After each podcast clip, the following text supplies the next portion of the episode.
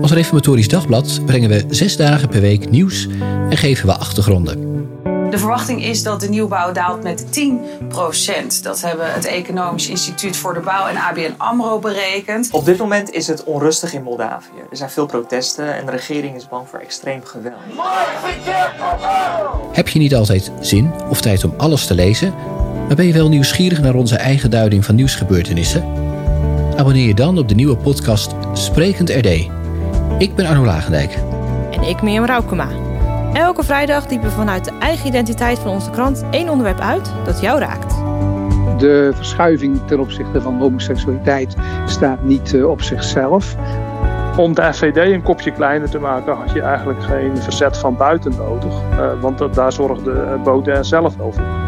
Je ziet nu wel echt ook dat heel veel jonge moeders gewoon blijven werken. Minister Hugo de Jonge liet onderzoek doen naar zogeheten homogenezers. Er blijken er zo'n 15 actief te zijn in Nederland en vooral in streng gereformeerde en evangelische kringen. Spreker TD brengt verdieping op het nieuws. Vanaf halverwege april te beluisteren. U voelt zich ook niet onderdanig aan de man? Nee, zeker niet.